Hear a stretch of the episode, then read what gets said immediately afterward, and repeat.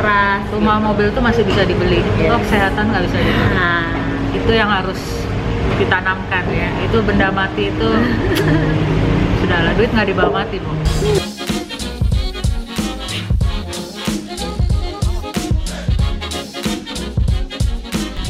Oke, hari ini gue mau ketemu sama namanya temen gue eh, Kian, dia yang ngurusin asuransinya Mbak Nay. Jadi Nay itu sebenarnya dari di dalam perut gue umur 4 bulan dia udah diasuransi juga pakai apa ya namanya? prudensial apa gitu Prudensial apa? Child ya itu sampai nanti Mbak Nay umur 2 tahun. Tapi gunanya itu untuk eh, apa sih ya? mainan lahir kayak buat bawaan kelainan lahir jadi misalnya pas pas lahir tuh dia eh, jantungnya mungkin kenapa-napa termasuk bibir sumbing dan lain-lain itu termasuk gitu loh. Itu kan kelainan bawaan lahir ya. Sampai umur 2 tahun. Jadi nanti pas umur dia setahun apa dia 2 tahun kedeteksi ada yang lain karena bawaan lahir itu masih itu tercover di situ. Sekarang yang gue mau ketemu sama teman gue ini adalah untuk em, asuransi jiwa yang biasa. Jadi kayak misalnya tiba-tiba mbak Nay sakit harus dirawat di rumah sakit kayak gitu-gitu cover. Karena kalau yang pro my child yang satu lagi tuh kalau yang sakit-sakit kayak gitu nggak di cover cuma buat bawaan lahir aja. Nanti kita sekalian ngobrol sama temen gue kali ya pentingnya asuransi itu apaan sih sebenarnya? Selain BPJS BPJS kok BPJS kan jatuhnya sekarang udah wajib.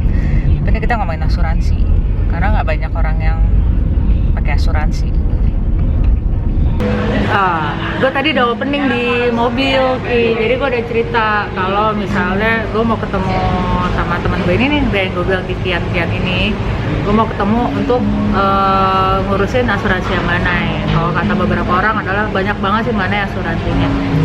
Kalau gue pribadi, gue tuh orangnya nggak mau repot. nah, Gue nggak mau tiba-tiba mbak Nay sakit, gue mikirin eh, apa sih namanya? Wah, rumah sakit itu kan harus ada deposit ya. iya. Ya kan? Gitu masuk rumah amit-amit ya mana harus dirawat tuh lo harus ada deposit eh, variatif rumah sakitnya 10 sampai 20 juta lah. Ya kan? Gue nggak mau repot di situ. Walaupun mungkin duitnya ada tapi gue nggak mau repot.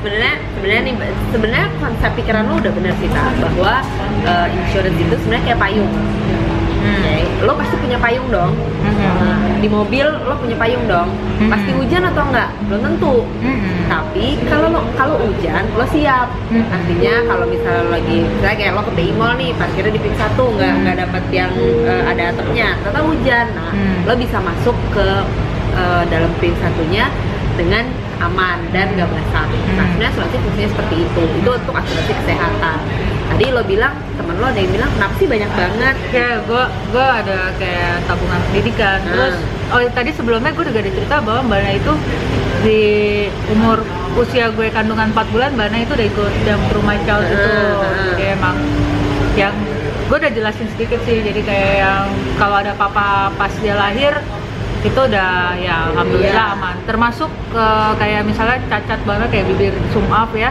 bibir sumbing itu kan nanti bisa lo operasi eh, kalau nggak salah termasuk ya di situ. Termasuk yang di cover ya. Benar ya udah sama itu. Pokoknya intinya eh, semuanya kalau remaja tuh emang kayak ada pro dan kontra lah gitu. Ada Hmm. orang-orang yang ngapain anaknya belum ada gitu. Hmm. kok kayak gambling banget. Bener sih ada benernya tapi kalau katanya beberapa orang bilang malah kayak ya lo ngedoain anak lo malah? Hmm, ya sebenarnya Iya, sebenarnya sebenarnya dari tergantung dari sudut pandang mana kita ngeliat sih Ah. gitu. Kalau dilihat kok ngedoain? Ya sebenarnya bukan ngedoain tapi when it happens eh, kita sebagai orang tua ya siap dananya gitu loh. Paling tidak paling tidak gini loh kalau misalnya urusan sakit nih gitu. Sakit kan macam-macam ya. Hmm. kalau misalnya cuma perkara batuk pilek aja cuma perlu ke dokter sekali doang cuma perlu cek darah doang nggak terlalu signifikan. Eh, harus rawat lah ya. eh, ha- nggak perlu harus rawat. Satu biaya nggak terlalu besar. Dua eh, waktu dan eh, mental nggak terlalu terkuras gitu ya nggak Iya. terlalu capek. Tapi kalau misalnya udah harus rawat inap dan rawat inap juga macam-macam. Ada yang misalnya ya sorry cuma diare misalnya. Nggak perlu tindakan apa-apa cuma perlu istirahat aja. Demam berdarah nggak perlu tindakan apa-apa cuma cuma perlu istirahat aja. Tapi buat eh, eh, pasien dan keluarganya tuh udah cukup mumet loh kalau misalnya secara secara biaya nggak disiapin. Oke Gitu. ngomongin soal biaya gue balik lagi. Kalian pernah ngerasain anak sakit nggak? Nggak usah yang dirawat ya? Ya ini Iya. sebenarnya balik lagi ke mental. Kalau lo eh, kalau menurut gue ya jadi gue jadi bisa fokus ngerawat benar gitu, benar tanpa gue harus mikirin iya biaya Iya betul, gitu. Nah, terus satu lagi, nah ini ngomongin sakit yang kalau misalnya untuk anak-anak ya siapa yang mau anaknya sakit nggak ada. Ada Tapi lah. kita sebagai orang tua juga mesti mikir kitanya sebenarnya. Jadi Oke. sebenarnya tak banyak banget orang-orang yang gue mulai dari anak gue dulu deh Iya. punya asuransi gitu ya. Eh, nggak salah, cuman ada baiknya eh, dia mikir gini, kalau anak gue sakit, eh, misalnya belum punya asuransi, gue sebagai orang tuanya pasti akan cari duitnya, kasarnya gitu ya. Kalau kebalikannya, lo orang tuanya nih, lo yang cari nafkahnya nih, Hmm. gitu ya. Kalau lu nya sakit, lu juga mesti siapin sebenarnya buat diri lo sendiri. Bukan cuma urusan sakit ya, tapi ya maksudnya insurance itu kan enggak sebenarnya mumpung nih ya, mumpung di vlognya Tata terus kalian mau bilang bahwa asuransi itu nggak cuma sekedar asuransi kesehatan, iya banyak eh, banyak jenisnya, banyak ragamnya dan setiap individu, setiap keluarga itu kebutuhan dan eh, kemampuannya beda-beda. Nah, kebanyakan orang udah rumah gue aja sama mobil gue diasuransiin.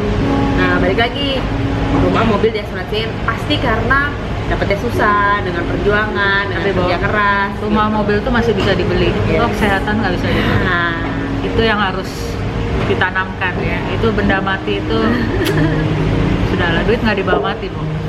Gitu. Jadi ya balik lagi sih nah makanya memang masih eh, perlu diedukasi sih masih masih banyak orang-orang yang perlu diedukasi tentang pentingnya insurance. Eh, cuman ya kerennya sekarang eh, pemerintah tuh udah ngedukung banget sebenarnya. Dengan model kayak BPJS gitu ya. Hmm. nggak eh, di luar kayak lah BPJS tuh wajib Iya, Oke, kita nggak usah. BPJS. Jadi semua orang udah otomatis harus bikin BPJS Yes. karena tanpa BPJS lo nggak bisa bikin SIM, lo nggak bisa bla udah Iya. mau melakukan kayak gitu kan. Lah, kita nggak usah ngomongin kayak gitu. Maksud gue gini, lo nggak punya BPJS nggak apa-apa, nggak masalah. Itu emang wajib. Cuman kalau gue punya BPJS tapi gue punya asuransi swasta karena ada beberapa hal yang menurut gue tidak di cover oleh BPJS Betul. ya kan Se- kedua nggak semua rumah sa BPJS itu menurut gue terlalu belibet maaf ya terlalu ribet lo harus melalui tahapan kalau penyakit lo nggak eh, apa sih namanya urgent-urgent banget lo harus dari ke puskesmas dulu. Jadi dan ada tingkatannya, ada tingkatannya. prosedurnya. ada prosedurnya. Sedangkan kalau yang swasta kalau menurut gue misalnya kayak yang tadi Kian bilang kalau diare lo harus dirawat dokter gue ke rumah sakit dokternya bilang oke ini harus dirawat. Oke gue bisa langsung pada hari itu juga gue tidak melalui prosedur-prosedur itu gitu loh. Kalau gue dan gue rasa fasilitasnya lebih banyak dibanding sama si BPJS yang di cover. Dari segi Hmm. obat. Sebenarnya gini sih kalau sebenarnya gini BPJS itu kan karena baru. Jadi Ya. eh, ya maksudnya segala sesuatu yang masih sangat masih berkembang ya. Tapi BPJS itu juga udah mulai dipangkas kok. Ada ada Iya, beberapa betul, penyakit yang betul, tapi eventually tapi sebenarnya gini sih nah sebenarnya kalau lo punya BPJS juga lo punya insurance private private insurance juga Nah. itu bisa saling lengkapin tak sekarang iya gitu jadi misalnya lo mau kan? pakai BPJS dulu Hmm. terus ada obat-obatan atau tindakan yang nggak di cover sama BPJS lo mau mengklaimkan itu ke private insurance lo tuh sekarang bisa ya gitu. gue jadi, pernah dengar sih nah, jadi nggak usah khawatir, nggak usah milih ah gue punya BPJS sih, gue punya BPJS aja nggak usah punya- nggak usah punya private insurance. Atau Hmm. kebalikannya nggak perlu nggak perlu takut nggak perlu ragu gitu. Dua-duanya bisa bermanfaat buat lu kok ketika Hmm. lu membutuhkan. Gitu itu kan buat asuransi jiwa ya. Cuman sekarang kan yang lain adalah eh, investasi. Nah, nah banyak kan kalau lo bikin asuransi jiwa itu mereka juga kasih poin buat maksud gue misalnya asuransi jiwanya nilainya misalnya 500 ribu Hmm. terus si 200 ribu untuk investasi. Oke. Ya kan? Banyak yang kayak juga kayak yang ah enggak lah gue investasi enggak ini gue nabung biasa aja. Hmm. gue melakukan hari hal itu juga. Ya asuransi jiwa gue agak sedikit. Tapi se- tapi gue punya eh, di asuransi itu gue punya sendiri. Ya emang khusus cuma investasi aja. Oke. Kalau gue tapi kalau kalian ya pada terserah kalian lah. Hitung hitungannya kan ada. Kayak misalnya ada obligasi. Hmm. sudah pokoknya agak pinter berat. loh ini. Duit bo. Masih, ingat ya mumpung masih muda lo punya duit lo mumpung masih muda lo punya tenaga lo bisa nyari duit kayak nggak apa-apa lo sekarang kere-kere santai. Rumah ini cuman begitu nanti lo udah, udah tua lo nggak bisa menghasilkan lo tenang. Benar lo punya tabungan banyak di mana-mana ke- dan lo ke cover gitu loh dari asuransi jiwa investasi dan lain-lain. Sebenarnya tak ya ini kan lo juga tahu banyak ini eh, kan nggak tiba-tiba lo tahu pasti, Nggak. gitu. Jadi eh, gue berkaca pada pengalaman orang-orang bisa dari pengalaman tapi bisa juga gini loh tak kayak em, ini mumpung ya mumpung di vlognya lo nih ya gitu banyak banget anak-anak eh, fresh graduate gitu Oh, iya, ya iya. yang mm, bukan salah sih pemahamannya tentang mengelola uang Hmm. tapi gue saranin sih nggak ada salahnya loh mereka cari tahu sedini mungkin jadi eh, jangan, mikir, jangan mikirin apply kartu kredit dulu Bo. Jangan. Menabung itu tidak hanya di bank sebenarnya. Iya. dan ketika kita berbicara investasi lalu itu dia pikir dia menabung dan ekspektasinya seperti bank eh, ya itu pemahaman yang eh, kurang tepat sebenarnya. Jadi eh, ya kalau gue boleh menyarankan yuk eh, apa ya eh, tingkatkan awareness tentang tentang pengelolaan uang lah kalau menurut gue gitu. Jadi it's not about it's not about how much you can save tapi it's about gimana lo mengelola keuangan lo sehingga itu bermanfaat dengan baik buat lo dan kehidupan lo. Oh ya by the way gue ini termasuk anti nyicil-nyicil klub. Tapi gue nggak anti riba-riba klub ya. Nggak boleh. Oh, panjang. nggak- gua nggak mau. Tapi nanti panjang Iya, iya, tapi gue nggak nggak nggak nggak. Tapi gue anti nyicil klub gitu. Mendingan daripada gue pancing nggak nyicil ya Hah? pancing nggak nyicil Nggak, pancing nggak nyicil kayak gitu. Gue nggak ada yang, alhamdulillah gue nggak ada yang nyicil. Gue kalau bisa, kalau emang ibaratnya kayak gini, buat yang kayak bener kayak gitu, kayak fresh graduate lo harus mikirin gimana caranya lo uh, saving money. Tapi nggak juga dengan nyicil. Maksud gue kayak, gue tahu mungkin untuk untuk beli rumah apa beli mobil tuh untuk yang fresh graduate susah ya. Iya. Gue tahu. tapi itu semua bisa direncanakan Kak. bisa Heeh. makanya menurut gue adalah kayak kayak ini sebenarnya kan eh, hitungannya bisa jadi konsultan gitu Iya. Iya kan karena lo financial consultant juga bisa kan lo bisa memanage apakah dia juga mau masuk ke misalnya kayak gini deh gue punya sebulan gaji gue adalah 10 juta Hmm. kalau taruhlah gue 10 juta gue untuk pos eh, itu udah harus dipos-posin ya sekian persen sekian Iya, persen sekian betul, persen. betul. benar kan? Nah, kalau untuk rumah gue tahu tiap tahun itu adalah naik naikannya 20% oh ya untuk investasi dan lain-lain dan video itu ada inflasi juga guys. Don't forget ya untuk uang sekolah juga ada inflasi. Kalian harus gitu. Kamu curhat ya? Oh iya dong. Abis ini berarti kita hitung hitungan uang sekolah. Oh saya udah gitu jangan sedih. Saya anak gue 30 juta masuk baru umur 2 tahun jangan sedih sekolah juga ada inflasi. Nah kalau lo 10 juta itu lo bisa pos-posin ya mungkin lo bisa beli rumah di umur lo yang sekian. Kalau lo taruhlah lo setiap bulan lo nabung sekian persen. Nah gini tak ingat ya kalau anti 10 nyicil juta- nyicil klub. Ya anti nyicil kalau nyicil 10 juta itu kita Kecil asumsikan tau, 10 adalah juta sebulan tuh. 100% Hah? kecil kecil banget. Kecil banget tau 10 juta sebulan. 100 10 juta itu adalah 100% berapa sih yang bisa dia pakai buat berinvestasi misalnya Eh, bijaksananya itu eh, investasi dan menabung tuh 10 sampai 20 persen Hmm. lebih dari itu kurang bijaksana juga karena lu kan mesti hidup karena lo jadi pelit bo nanti sama hidup lo kalau menurut gue kan lo perlu hidup dan Iya. eh, Lo perlu sosialisasi sih sebenarnya. gitu lo perlu lo perlu hidup jadi eh, biaya hidup tuh 50% oke lah dari Hmm. dari penghasilan lo gitu ya nah yang 20, 10 sampai 20 Stop, stop. oke dia bilang biaya hidup 50% ya Pak. berarti lo bisa mengukur gaji seseorang dari dari gaya hidup lo Ya, oke next Nah, terus eh, 10 sampai 20% itu bisa dialokasikan untuk eh, investasi dan eh, eh, tabungan. Nyicil boleh nggak sih gitu? Nyicil tuh sebenarnya nggak dosa-dosa amat. Dalam arti kata gini, nggak jahat-jahat amat. Jahat. Asalkan yang lo cicil adalah sesuatu yang bisa menghasilkan uang buat lo. ya. Contohnya, eh, sorry ya, misalnya ada seorang seseorang yang pengen banget beli tas branded misalnya. Kenapa harus ngomong Tapi- sorry? ya nggak It's apa-apa. real life. iya unfortunately ternyata dia harus nyicil untuk itu. Itu oh, sih itu kurang ideal. sih. Ya gue maksud gue jangan ngomongin tas kita ngomongin langsung aja. Iya ya itu kurang Ah. ideal kayak gitu. Kalau misalnya dia nyicil mobil tadi lo bilang kan kalau bisa sih jangan nyicil tapi oke lah mobil ya mobil properti kah lakinya banyak larinya cepet banget harganya gitu ya nggak kekejar Tapi menurun sih dia. menurun oke. Ah. tapi let's say dengan mobil dia bisa menghasilkan uang. Nah, nggak salah jadinya. Nggak salah. dan tidak merugikan buat dia gitu. Nah itu porsinya juga another 10% gitu. Nah sisanya jangan lupa eh, bersedekah dan beramal itu hak yang eh, itu kewajiban loh gitu nah itu hal yang nggak perlu di-mention Iya. sebenarnya sih. Itu tapi kewajiban. banyak yang lupa loh kadang-kadang kesadaran kalian aja kan duit nggak dibawa mati jadi bagi-bagi aja kenapa sih Hah? kenapa gitu. harus dengan harus dilakukan dengan bijaksana hmm. Gitu. tadi lo bilang ada inflasi tentang UP jiwa apa segala macam. Itu balik lagi bijaksananya misalnya. Untuk seorang fresh graduate masih single belum punya anak belum punya tanggungan gitu ya. Perlu nggak sih UP jiwa? UP jiwa itu apa sih? Ngomong-ngomong UP jiwa itu adalah sejumlah dana darurat yang disiapkan oleh seseorang.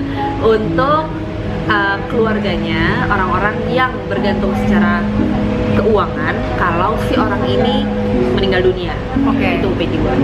Nah uh, seorang fresh graduate perlu nggak UP jiwa. Iya perlu tapi nggak perlu besar. Kalau dia udah nikah punya anak satu artinya UP jiwanya perlu nambah dong. Nah itulah fungsinya konsultan keuangan gitu. Kalau anaknya jadi tiga ya dihitung lagi kebutuhannya berapa biaya hidupnya berapa sehingga dana waris yang perlu disiapkan berapa sebenarnya eh, tujuan gue ngajak ngobrol teman gue ini adalah kalau kalian sayang kalau gue ini menurut gue ya Iya. kalau kalian sayang sama kalian kalian sendiri aja deh kalian apa diri kalian sendiri dulu lah gitu ya. Kalau nggak ada salahnya nyisihin toh fresh graduate berapa sih sekarang? Bisa 7 juta ya? 65 sampai 7 juta ya ya kan? Karena guru aja ada 3 juta jadi kan lo nggak mungkin S1 itu lo di, di bawah 3 juta tuh nggak mungkin. Kalau pengalaman gue sih ya fresh graduate ya eh, ya se yang lowong buat mereka nyisihin kayak sekitar 500 ribu lah sebulan itu Ya. masuk akal buat mereka. Sebenarnya gini eh, kalau lo cuman mampu kayak misalnya bayar eh, ini ini trik gue ya ini triknya gue ya. Hah, ada siapa tuh ini trik gue ya. Kalau kalian cuma mampu nyisin 400 ribu sebulan buat bayar asuransi. Terus cuma dapat eh, di rumah sakit kamar yang kelas 2 atau kelas 1 bukan yang kamar sendiri. Nggak apa-apa bayar aja. Nanti kalau begitu lo masuk rumah sakit lo mau upgrade kelasnya lo bayar pakai uang sendiri juga ya udah nggak masalah. Atau syukur-syukur lo dapat kamar yang berdua tapi ternyata sampingnya kosong ya itu hoki lo juga gitu loh. Cuman seenggaknya lo nggak deg-degan tiba-tiba lo sakit lo harus masuk rumah sakit dan itu yang kayak tadi gue bilang ada deposit di awalnya Iya. 10 sampai 20 juta tergantung rumah sakitnya karena nyari 10 sampai 20 juta itu gue pernah merasakan ketika bokap gue almarhum masuk rumah sakit dia tidak ada asuransi jam 11 malam nyari 20 juta itu sulit karena semua offline ATM-nya gitu loh Iya. iya. Nah, terus tadi gue bilang nih kayak gue pernah cerita sama sepupu gue. Dia ya eh, angkatan 2000 udah belilah pokoknya ya di bawah eh, dia mungkin 25 26 gitu umurnya. Gue cerita nih sama dia gitu, eh yuk eh, kelola belajar yuk kelola keuangan Hmm. gitu ya. Gue cerita ngobrol-ngobrol-ngobrol-ngobrol, akhirnya dia oke deh mbak, aku mau gitu.